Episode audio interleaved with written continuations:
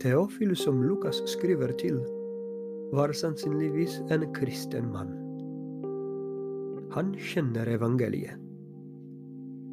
Han er embetsmann i den romerske administrasjonen.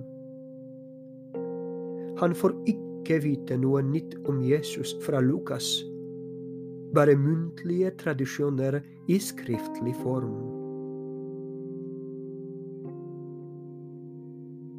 På den tid vendte Jesus tilbake til Galilea med Åndens kraft over seg, leser vi hos Lukas. Han påpeker veldig ofte Den hellige ånds kraft i Jesu misjon. Det er også interessant at Lukas begynner sin beretning om Jesu misjon med episoden der han leser opp fra Jesajas bok i synagogen. Det er annerledes enn i Johannes evangelium, der Jesus gjør sitt første jerntegn i bryllupet i Kana.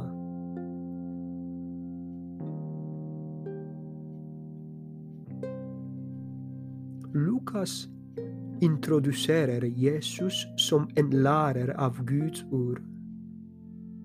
Jesajas ord uttrykker på en måte Jesu program og betydningen av hans misjon. Ordene han leser, 'Herrens ånd er over meg', uttrykker at han er profet. Han har salvet meg, betyr at han er Kristus, den salvede. Og når han leser utroper et nådeår på Herrens vegne, kunngjør han Guds evige nåde til alle mennesker.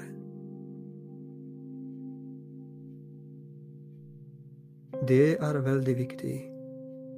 Profeten, Kristus, som vil gi meg Guds evige nåde. Men det er også viktig at han kommer med gledesbud til de fattige, for å forkynne frihet for de fange, og for de blinde at de igjen skal få se, for å gi de undertrykte deres frihet tilbake. Han kommer til de fattige.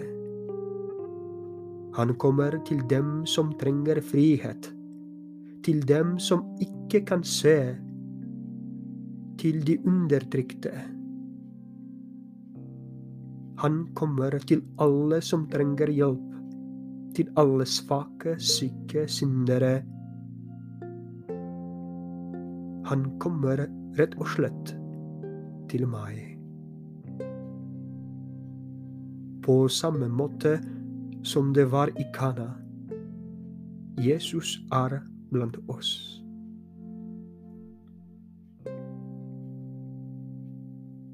Men det er enda en viktig ting her.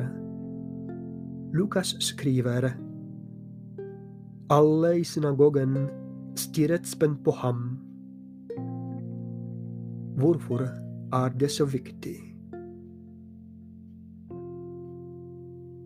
Fordi hvis jeg vil oppleve Jesu nåde må jeg stirre spent på ham.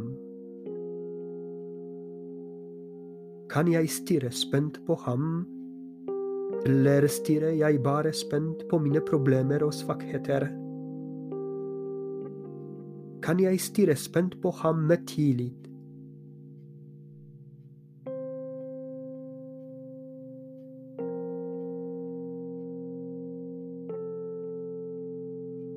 Han sier til meg i dag, du må stole på meg.